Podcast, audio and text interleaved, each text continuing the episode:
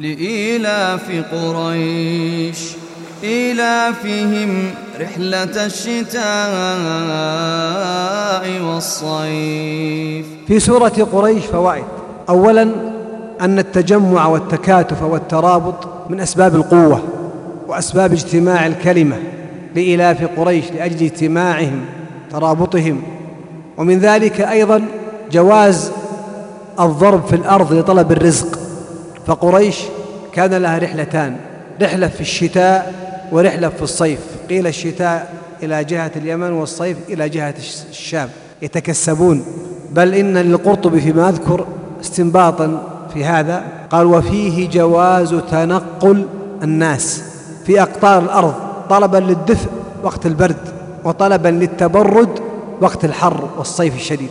كما هو الحال في بعض في الناس اليوم. وأيضا فيه من الفوائد أن الأمن من أعظم النعم كما أن توفر الرزق أيضا من أعظم النعم الذي أطعمهم من جوع وآمنهم من خوف.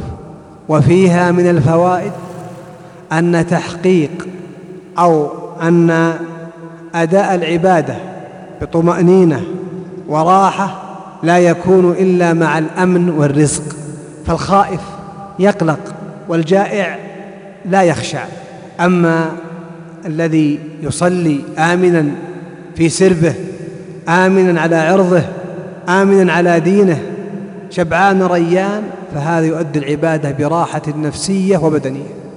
ولهذا لاحظ الجائع قال عليه الصلاة والسلام لا صلاة بماذا؟ بحضرة طعام. ما يؤدي الطعام ما يؤدي الصلاة وهو جائع. الخائف شعوره ليس معه في قلق. فليعبدوا رب هذا البيت الذي أطعمهم من جوع وآمنهم من خوف. فيها أن أداء العبادة بيسر وكمال يكون مع الاستقرار النفسي والحسي بتيسر الأمن والشبع والري